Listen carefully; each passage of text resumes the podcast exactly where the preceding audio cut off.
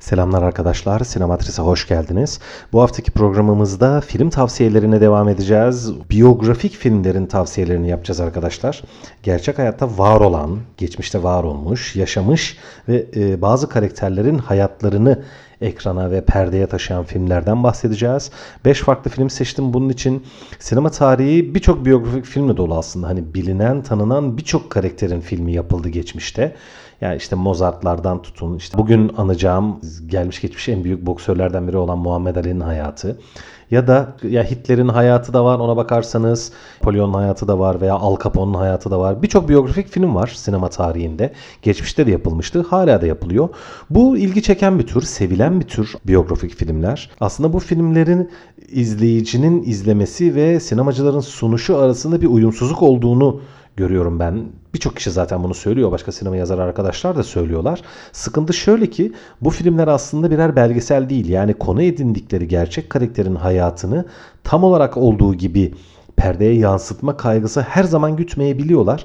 Önemli olan o karakterin aslında ayırt edici tarafını öne çıkaran bir proje ortaya çıkarmak arkadaşlar. Yani siz Beethoven'ın hayatını anlatıyorsanız onun sanat aşkını, kariyerini, müzikle olan ve müzik o zamanki müzik dünyasıyla ve müzik severlerle olan ilişkilerini doğru biçimde aktardığınız takdirde Beethoven'ın hayatının tüm ayrıntılarını gerçekte olduğu gibi anlatmak çok da önem arz etmiyor. Çünkü dediğim gibi belgesel filmler değil bunlar ve tabii ki yani aslında herkesin anlayışla karşılaması gerektiği gibi normalde günlük hayat sinemaya çok da uygun olmuyor arkadaşlar. Yani günlük yani sinema günlük hayatı anlatmaz zaten. Anlatması gerekmez aslına bakarsanız. Ee, Alfred Hitchcock'un söylediği gibi aslında sinema belki de hayatın sıkıcı taraflarının atılmış halidir. O nedenle biyografik filmler de genellikle e, konu edindikleri gerçek karakterin hayatını aynen olduğu gibi bize anlatmıyorlar. Bu amacı da gütmüyorlar ama dediğim gibi daha çok o karakteri öne çıkaran taraflarını aslına uygun biçimde bize iletmeye çalışıyorlar. Aslında bu gözle bu filmleri izlemek lazım. Bu gözle bakmak lazım. O karakterlerin yaşadığı hayatı aynen önümüze getirmelerini beklemekten çok o karakteri anlayıp tanımamızı sağlıyorsa bir film, biyografik film aslında iyi bir filmdir diyebiliriz. Biraz bu gözle e, bakmaya çalışmanızı tavsiye ediyorum eğer öyle yapmıyorsanız. Bugün 5 farklı e, biyografik filmden bahsedeceğim. Çok bilinen başka filmler var. Onları anmayayım dedim. Hani biraz daha az bilinen filmleri e, genellikle sizin önünüze getirmeye çalışıyorum ya. Bugün de öyle yapacağım. Umarım e, bilmediğiniz bazı filmleri anma şansım olur. Size bir şeyleri keşfettirme şansına erişirsem mutlu olurum. Bugün anacağım ilk film arkadaşlar 2001 yapımı Ali. Bayağı Muhammed Ali'nin e, hayatını konu alan Ali filmi. Michael Mann yönetti arkadaşlar Ali'nin biyografisini ve Michael Mann 90 80'li yılların aslında en önemli, en değerli 80'li ve 90'lı yılların en önemli film, e, yönetmenlerinden bir tanesi. Unutulmaz Al Pacino ve Robert De Niro'yu aynı masaya oturtan The Heat filminin yazarı ve yönetmeni Michael Mann. Çok değerli bir yönetmen ve Muhammed Ali'nin hayatını e, bize anlattığı 2001 yapımı Ali filmi de biraz arkada kaldı aslında. O yıllarda hani genel olarak iyi bulunduğunu hatırlıyorum. İyi bir film olduğunu hatırlıyorum ama öyle o muhteşem de bir film, harika da bir film denmediğini gördük birçoğumuz. Filmi hatta beğenmeyen, eleştiren de ciddi bir kesim oldu. Bunun nedenini tam olarak anlayamadım ben. İlginç olan şu arkadaşlar. Muhammed Ali'nin hayatını bayağı aslına yakın anlatıyor bu. Bakın az önce dedim ya aslında filmlerin amacı bu değildir ama bu aslına bayağı yakın anlatıyor. Ancak ilginç olan şu tutturduğu tarafsız bakış açısı biraz kafa karışıklığı yaratıyor. Yani filmde iyi kötü karakterler var. Hani görece biraz daha iyi veya biraz daha kötü karakterler var ama aslına bakarsanız Muhammed Ali'yi bize anlatırken onun boks hayranlığını, sportif kişilik olarak şey hem sinema tarihinin tabii hem de spor dünyasının, spor tarihinin en önemli kişiliklerinden biri kılan e, savaş karşıtlığı vardı. Yani neticede Vietnam Savaşı'na çağrıldı Muhammed Ali bir Amerikan genci olarak o zaman için ve kalkıp benim Vietnamlarla bir derdim yok deyip orduya kaydolmayı e, reddetmişti. Savaşa gitmemişti, savaşmamıştı ve kendi içinde bir savaşçı olmasına rağmen, bir dövüşçü olmasına rağmen savaş karşıtı bir tavır sergilemesi onu hem spordaki başarılarının yanında unutulmaz bir karakter kılmıştı. İşte film aslında işin sportif tarafı bir yana bu tarafı çok güzel anlatıyor ve bu tarafın Muhammed Ali'ye faturasını da çok güzel anlatıyor arkadaşlar. Yani o hani orduya kaydolmuyor. Ben Vietnamlara benim bir derdim yok diyor. Uzak duruyor savaştan ve ona bazı yaptırımlar uygulanıyor. O zamanlar için dünya ağır boks şampiyonu olmasına rağmen hani o kemer vardır ya ortasında böyle kocaman e, bir altın plaka yuvarlak bir altın plaka bulunan ağır boks şampiyonluğu kemeri vardır ya bu onun elinden alınıyor. Ve onu tekrar geri alma çabasına giriyor. Ekonomik sorunları oluyor, problemleri oluyor, dövüşemiyor bir türlü falan. Yani çok şey. E, onun günlük hayatına, sportif yaşamı, profesyonel yaşamının yanında onun günlük hayatına çektiği zorluklara da bayağı geniş bir alan ayıran bir film Ali. O anlamda tam bir spor filmi denemez aslında bakarsanız. Tabii bir boks filmi demek biraz e, acımasızca bir yaklaşım olur bence.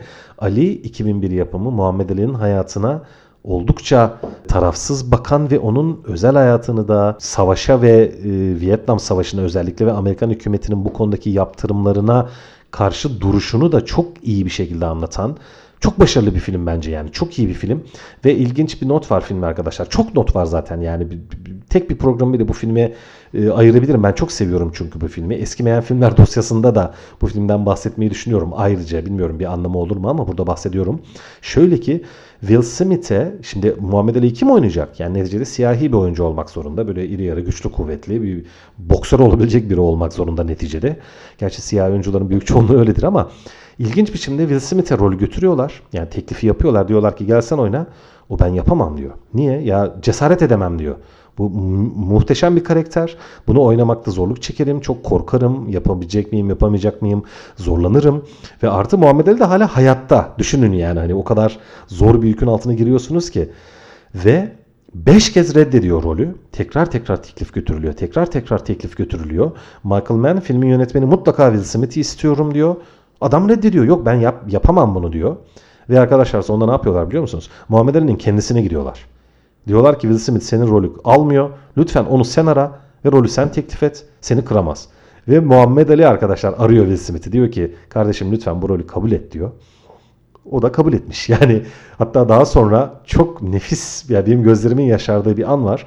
Ee, biliyorsunuz e, gökdelenlere saldırı olmuştu ya Amerika'da. Ondan sonra yani birçok anma törenleri yapılmıştı vesaire böyle bir hani Müslüman düşmanlığı ortaya çıkıyor gibi bir durum olmuştu. Yani durum olmuştu demeyeyim vardı zaten hala var aslında. Tabii Trump yönetiminden sonra falan iş iyice ayyuka çıktı ama şöyle ki hani hiçbir şekilde dinlerin birbirine düşman olmadığı, Müslümanlığın normalde savaşı destekleyen ve savaşı isteyen, arzulayan, savaşçı bir din olmadığı üzerine de söylemler dile getirilmişti Hollywood'da.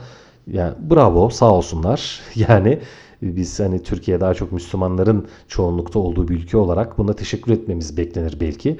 Ancak ilginç olan şu o etkinliklerde Muhammed Ali ile Will Smith ikisi yan yana mikrofona çıkmışlardı. Bu video YouTube'da var arkadaşlar isterseniz bakabilirsiniz. Ve Will Smith demişti ki kardeşim, büyüğüm, üstadım, büyük şampiyon Muhammed Ali yan yana yani çıktılar böyle mikrofonda bunu söylüyor. O Müslüman, ben Müslüman değilim ve biz birbirimizi çok seviyoruz gibi bir dostça mesaj vermişlerdi. Yani o kadar güzeldi ki o an işte champ falan demişti böyle şampiyon diye ona hani mikrofonu ona bırakmıştı falan. Yani filmin çok böyle açılımları da var işin içerisinde. Zaten filmde Malcolm X karakteri de var. Çok ya politik olarak da çok güçlü bir film Ali filmi. O nedenle arkadaşlar e, şiddetle tavsiye ediyorum. Muhammed Ali'nin hayatını anlatan 2001 yapımı Michael Mann'in yönettiği Ali filmi yıldızlar geçidi zaten. Harika oyuncular var, yönetmenliği çok iyi. Her açıdan çok iyi bir film. Ali filmini izlemediyseniz ve Muhammed Ali'ye biraz olsun ilgi duyuyorsanız benim kahramanlarımdan biridir. Yani çok inanılmaz saygı duyuyorum. Hakkında okumadığım şey neredeyse kalmamıştır. Muhammed Ali'nin hayatı arkadaşlar çok iyi bir film. Ali filmi izlemediyseniz mutlaka izlemenizi öneriyorum. Bugün tavsiye edeceğim ikinci film 1994 yapımı Ed Wood arkadaşlar. Ed Wood kim? Ya Tim Burton'ın yönettiği bir film bu 94 yapımı. Ed Wood arkadaşlar birçok sinema kaynağına göre biraz komik biçimde yani bunu nasıl bir yönetmene söyleyebiliyorlar bilmiyorum ama sinema tarihinin en kötü yönetmeni arkadaşlar. Böyle anılıyor Ed Wood. Ee, çok e, ucuz e, böyle yani 70'li 70'li 80'li yıllarda 60'lı yıllarda çok ucuz korku filmleri yapmış. Tim Burton onun hayatını, sinemaya merak salışını, filmleri yapışını anlatıyor.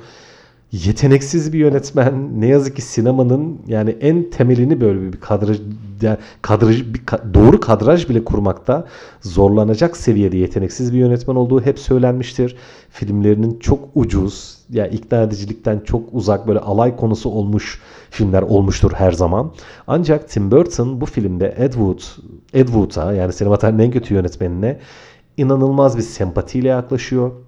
Sinemayı ne kadar çok sevdiğini bize resmediyor aslında bu filmde. Ed Wood gerçekten gerçek bir sinema aşığı yani. E, ne yapalım ne yapsın yazık. Yeteneği yok yani iyi filmler yapabilecek kadar iyi bir sinemacı değil. Yazık yapmasın mı? Çok seviyor gerçekten çok seviyor. Sinemayı çok seven bir karakter geliyor karşımıza bu filmde. Ve yani filmlerin yapış öyküsünü anlatıyor, çekim öykülerini anlatıyor, çok amatör şartlarda çekilmesi e, ve Ed Wood'un e, Bela Lugosi ta 30'lu yılların e, korku filmlerinin baş karakteri böyle yani Kont Dracula'ya falan hayat vermiş çok önemli bir korku filmi yönet şey oyuncusudur Bela Lugosi. Onu tekrar hayata döndürüyor ekibini topluyor. Ya ben diyor korku filmi yapacağım, zombi filmleri yapacağım. istediği kadar insanlar sevsin, sevmesin falan böyle. Tam bir sinema aşığının ama ne yazık ki yeteneksiz bir sinema aşığının film yapma çabası, iyi film yapma çabasını bize e, gösteren ve izleten bir film Ed Wood. Çok iyi bir film arkadaşlar. Yani sinema üzerine de bir film ve yeteneksiz ama sinemaya aşık bir yönetmenin e, hem hayatını hem de sinema macerasını anlatan bir film. Çok değerli bir film ve filmde nefis bir sahne var arkadaşlar. Sinema tarihinin en kötü yönetmeni Ed Wood'la sinema tarihinin en iyi yönetmeni olarak anılan Orson Welles bir sahnede aynı masada oturup konuşuyorlar. Yani Ed Wood Orson Welles'i görüyor uzaktan. Koşup onun yanına gidiyor. Onunla tanışmak istiyor falan böyle. Ve ona kendisini tanıtıyor ve ondan bazı tavsiyeler alıyor. O yani o çok özel böyle sinema tarihinde de özel olarak anılan ve sevilen sahnelerden bir tanesidir. Ee, çok iyi bir film yani. Ed Wood sinema üzerine oyunculuk üzerine, amatör sinemacılık üzerine, biraz gerilla sinemacılık üzerine nefis tespitler barındıran çok keyifli, çok neşeli, çok özel bir film gerçekten. Ee, biraz komedidir, biraz dramadır ama esas tabii ki biyografidir. Sinema tarihinin en kötü yönetmeninin biyografisi arkadaşlar. İzlemediyseniz izlemenizi öneriyorum. Evet bu haftaki diğer film tavsiyem, diğer biyografik film tavsiyem, oh, bu biraz ağır oldu. 1991 yapımı Alan Corneo'nun All the Mornings of the World, Dünyanın Bütün Sabahları adlı filmi arkadaşlar. Bu film kimin hayatı? Şöyle söyleyeyim size.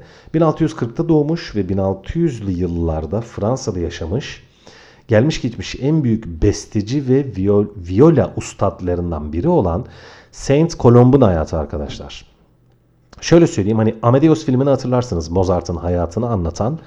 İşte o filmin o ya o filme benzer bir film. Ancak bu film baya baya hani bu tanımı çok sevmem ama bazen mecburen kullanmak zorunda kalıyoruz. Sanat filmi arkadaşlar. Sürükleyici bir film sayılmaz. Son derece entelektüel bir kafayla ve entelektüel bir tavırla çekilmiş. Öyle kurgusu akıp gitme gibi böyle insana sürükleme falan gibi bir e, yapı arz etmeyen gayet ağır, gayet entelektüel, gayet sakin, gayet rahat. Ancak Saint Colombe'un hayatını da harika biçimde e, bize aktaran ve resmeden bir film gerçekten. Çok iyi bir film. Şöyle filmin esas meselesini özetlemeye çalışayım. O yıllarda arkadaşlar yani hani 1400'ler, 1500'ler, 1600'ler, 1700'ler hatta 1800'lere kadar yani modern sanatın doğumuna kadar sanat dediğimiz şey aslında sarayın ve zenginlerin himayesindeydi arkadaşlar. Yani sokakta da sanat yapanlar vardı ancak sokak sanatçıların hiçbiri icra ettikleri sanatın içerisinde öne çıkan tipler, tiplemeler olamıyorlardı. Onların eserleri de hiçbir zaman kutsanmıyordu, değerli görülmüyordu. Yani sanat dediğin şey zenginlere ve saraya aitti. Öyle söyleyeyim. İşte Saint Colomb yani viola ustadımız, bu besteci üstadımız yaptığı sanatı hiçbir zaman saraya, zenginlere ve krallara amade etmemesiyle tanınan. Yani krallardan davet geliyor. Gel işte biz senin sanatını görmek istiyoruz. Lütfen bize çal. Hayır ben size çalmam diyor. Ben zenginlerle işim olmaz. Zengine çalmam. Ben enstrümana çalarım. Kendi içime çalarım. Kendi duygularıma çalarım diyor adam. Kimseyi eğlendirmem diyor. Benim hiç, hiç kimse benim sanatımı eğlenmek için. Aa ilginç bir şey. Aa ne güzel çalıyor. Aa ne güzel bir sanat. Ne güzel bir sanatçı. Dedirtmek için bunu yapmam diyor. Hani fakru zaruret denir ya arkadaşlar. Çok fakir bir adam. Yani ço- çoluğu çocuğu var. Yani evi falan var ailesinden kalan ama sadece sanat yaptığı için hiç para kazanmıyor. Kimseye de sanatını sunmadığı için, icra etmediği için yani sanatıyla para kazanma merakında olmaz, olmaması demeyeceğim. Yani bunu şiddetle reddettiği için çok fakir durumlara düşüyor. Aç, sefil hallere geliyor falan ama buna rağmen yani şöyle söyleyeyim sayısız eseri kayıp bu sanatçının, bu viyole ustadının ve tüm davetlere rağmen, tüm o zamanın zenginlerinin davetlerine rağmen hiçbir şekilde sanatını parayla satmamış ve parayla sunmamış en öncül sanatçılardan bir tanesi arkadaşlar.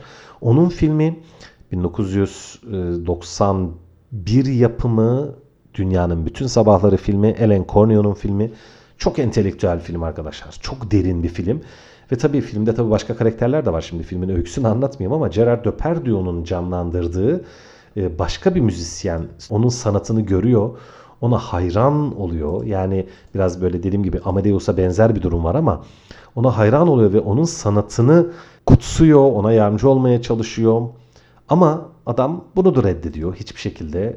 O, o, o sularda yani oralarda benim o taraklarda benim bezim yok diyor. Çok etkileyici bir film, çok dramatik bir film, çok entelektüel bir film, çok tarihsel ve biyografik bir film gerçekten. Dünyanın bütün sabahları biyografik filmler tarihinde böyle en önemli olan filmlerden bir tanesi arkadaşlar bana göre. İzlemediyseniz mutlaka öneriyorum. Dediğim gibi biraz sıkıcı gelebilir böyle bir gişe filmi e, tavrından, yaklaşımdan biraz uzak bir film. Diğer andığım filmler gibi değil ama size farklı bir deneyim yaşatacaktır. İzlemenizi tavsiye ederim. Örneğini vereceğim diğer film biraz daha yakın tarihli ve size çok tanıdık ve samimi gelecek eminim. 2006 yapımı Queen arkadaşlar. Kraliçe. Biliyorsunuz Prenses Diana İngiltere yani kraliyet e, oluşumunun diyeyim. ya İngiltere'nin başına bela almış bir karakterde Prenses Diana. Bu İngiltere kraliçesinin geliniydi ve e, Prens Charles'tan boşanmıştı vesaire. Bir, bir sürü aksiyonu var. İşin magazin tarafını siz benden belki de daha iyi biliyorsunuzdur. O işin o tarafı bulanık zaten biliyorsunuz. Neyse. Ama The Queen filmi 2006 yapımı Stephen Frears'ın yönettiği Peter Morgan'ın yazdığı çok iyi bir film. Ee, ve Queen karakterini yani kraliçe karakterini Helen Mirren oynuyor. Helen Mirren olağanüstü bir oyuncu. Sinema tarihinin en güçlü oyuncularından bir tanesi. Hiçbir şekilde cinsiyeti önemli olmadan ve bu filmdeki karakteriyle oyunculuğuyla Oscar almıştı ve gerçekten Queen yani Queen Elizabeth İngiliz kraliçesi kendisini kabul etmişti. Kendisiyle tanışmıştı. Böyle tokalaştıkları falan fotoğraf var. Bir Google'a bir arama yapın isterseniz. Bir tıklayın. Göreceksiniz. Helen Mirren olağanüstü bir kraliçe portresi çiziyor burada. Ve e, şimdi biyografik film dedim ama kraliçenin bütün hayatını anlatmıyor. Tam Prenses Diana'nın öldüğü dönemini anlatıyor. O dönem çünkü e, kraliyet çok ciddi biçimde eleştirilmişti. E, hani kraliçe ne kadar önemlidir, ne kadar gereklidir. İşte Prenses Diana'ya karşı çok kötü davrandılar. Zaten Diana hani yerden yere vurmuştu e, kraliyeti biliyorsunuz. Kraliçeyi de İngiltere'nin yönetim biçimini de e, tartışmaya açan bir tartışmaydı o yani. Hani sadece gelin kaynana muhabbetiyle sınırlı kalmamıştı. İş çok farklı yerlere evrilmişti ne yazık ki. Film bu süreci ve aynı zamanda tabii o dönemde de dönemin daha böyle demokrat, aydın, yenilikçi İngiltere Başbakanı Tony Blair göreve gelmişti. Ya o kadar iyi bir film ki yani kraliçenin hayatının, Queen'in hayatının en hassas dönemlerinden bir tanesini resmediyor. Bir yandan Prenses Diana'nın ölümü sonrası kraliçenin ve İngiltere'deki kraliyet olgusunun sorgulanması, aynı zamanda yenilikçi başbakan Tony Blair'ın İngiltere'de bir değişim dalgası e, oluşturması üzerine de kraliçenin bir zorlanması, böyle halkıyla arasında küçük bir kopukluk olması, yani halk mı kraliçeyi yönetiyor, kraliçe mi halkı yönetiyor, bu ayrımın biraz bulanması falan üzerine böyle çok çarpıcı bir film, çok iyi bir film gerçekten. İngiliz kraliyetinin o soylu, o böyle kökleri yüzlerce yıl önceye dayanan yapısının sarsılışını o kadar güzel resmediyor gibi film arkadaşlar. Magazin tarafı da çok güçlü. Evet bunu reddetmenin hiçbir manası yok. Filmde hani gerçek hayattan da bir sürü görüntüler var. Prenses Diana'nın ölümü ve cenazesinin görüntüleri var. İşte Tom Hanks'ler orada, Steven Spielberg'ler orada, Elton John'lar orada bir sürü meşhur sima falan böyle. Bütün o yani taziye hazırlıkları, cenaze hazırlıkları bile kraliçenin başını ağrıtıyor öyle söyleyeyim. Çok iyi bir film, çok neşeli bir film. Neşeli derken eğlenceli anlamında söylemiyorum. İşin altında bambaşka şeyler varmış yani hani birçoğumuzun bilmediği. Bir anlamda da belgesel gibi bir film. Yani gerçeğe oldukça yakın bir film olduğunu da biliyorum üzerine okumalar da yaptığım için. Arkadaşlar izlemediyseniz 2006 yapımı Queen filmi İngiltere kraliçesinin bir hayatının bir döneminin çok iyi biçimde anlatan ve İngiltere'deki politik kültürel değişim döneminin de resmi olabilen çok başarılı, çok keyifli bir film arkadaşlar. Hararetle tavsiye ediyorum. 2006 yapımı The Queen. Bugün anacağım son film arkadaşlar. Şimdi bambaşka bir ülkeye ve bambaşka sulara gideceğiz. Sularda yüzeceğiz. İçimdeki Deniz. The Sea Inside 2004 yapımı arkadaşlar. Alejandro Amenabar'ın yazıp yönettiği bir film. Peki bu film kimin hayatını anlatıyor? Kimin biyografisi? Arkadaşlar geçirdiği kaza sonucu bütün vücudu felç olan Ramon San Pedro adlı bir gemi görevlisinin hayatını anlatıyor. Bu adamın olayı ne? Bu adamın olayı şu arkadaşlar. Dünyanın birçok ülkesinde hala ötenazi yani bir insanın hani tıbbi yolla öldürülmesi yasak. Ve bu karakterin Samon Sab Ramon San Pedro kendisi ölmeyi istemiş bir karakterdi ve bu olay olmuştu. Bütün dünyada ötenazi tartışmaları tekrar hararetlendiren bir kişiydi bu karakterdi ve bunun üzerine çok ciddi tartışmalar ortaya çıkmıştı. İşte Alejandro Amenabar da bu karakterin hayatını İçimdeki Deniz adlı filmde karşımıza getirdi arkadaşlar. Yine gerçeğe oldukça yakın bir film. Tabii ki bir belgesel olmamasına rağmen, bir kurmaca olmasına rağmen gerçeğe bayağı yakın bir film ve filmde söz konusu karakteri canlandıran Javier Bardem o kadar iyi bir oyunculuk sergiliyor ki arkadaşlar. Javier Bardem zaten çok iyi bir oyuncu da hani bu filmde ben şahsen Javier Bardem'le bu filmde tanışmıştım. İnanamamıştım ya bu adam kim falan demiştim yani o zamanlar Bardem bugün olduğu kadar da meşhur değildi zaten ama daha sonra Oscar falan da aldı. Çok iyi bir oyuncu ve film de çok iyi arkadaşlar. Oscar'larda işte akademi ödüllerinde boy gösterdi. Başka birçok yerde ödül aldı. Goya ödüllerinde İspanya'da ödül aldı. Hem yani film ödül aldı. Hem yönetmen Alejandro Amenabar aldı. Hem de Javier Bardem aldı. Ve ötenazi tartışmalarında tekrar hani hem o e, söz konusu hayatı anlatılan Ramon San Pedro karakteri e, gündeme getirmişti. Bu film de aynı zamanda ötenazi tartışmalarını gündeme getirdi. Bayağı bu konunun konuşulduğu böyle üzerine makaleler yazıldığını falan hatırlıyorum. Filmin yönetmenliği, oyunculukları, tavrı her şeyi çok iyi ve hem yani siyasi politik tartışma var ortada. Hatta felsefi bir tartışma da var tabii ki. Ötenezi çünkü sarsıcı ve felsefi bir konu aynı zamanda. Ancak film olarak da çok iyi arkadaşlar. Çok yani izlemesi hem dramatik elbette çok hüzünlü, sarsıcı bir film. Aynı zamanda bir yandan da göze okşayan böyle garip bir iyimserlik de barındıran bir film. Çok ilginç, çok çarpıcı bir film. Birçok arkadaş biliyordur tabii izleyenler de vardır bu filmi ama izlemeyen arkadaşlarım için içimdeki Deniz yani çok özel bir film arkadaşlar. 2004 yapımı. Çok iyi bir film, çok sarsıcı film. Hayranı hayranı da çoktur. Seveni de çoktur bu film. Eğer izlemediyseniz hararetle öneriyorum. Biyografik filmler dosyamızda 2004 yapımı içimiz, içimdeki denizi de size tavsiye ediyorum. Evet bu haftaki programımız da bu kadar. Biyografik filmlerden bahsettik. Bir gerçek bir kişiliğin hayatını anlatan filmlerden örnekler vermeye çalıştık. Umarım faydalı olmuştur. Çok teşekkür ederim arkadaşlar. Görüşmek üzere.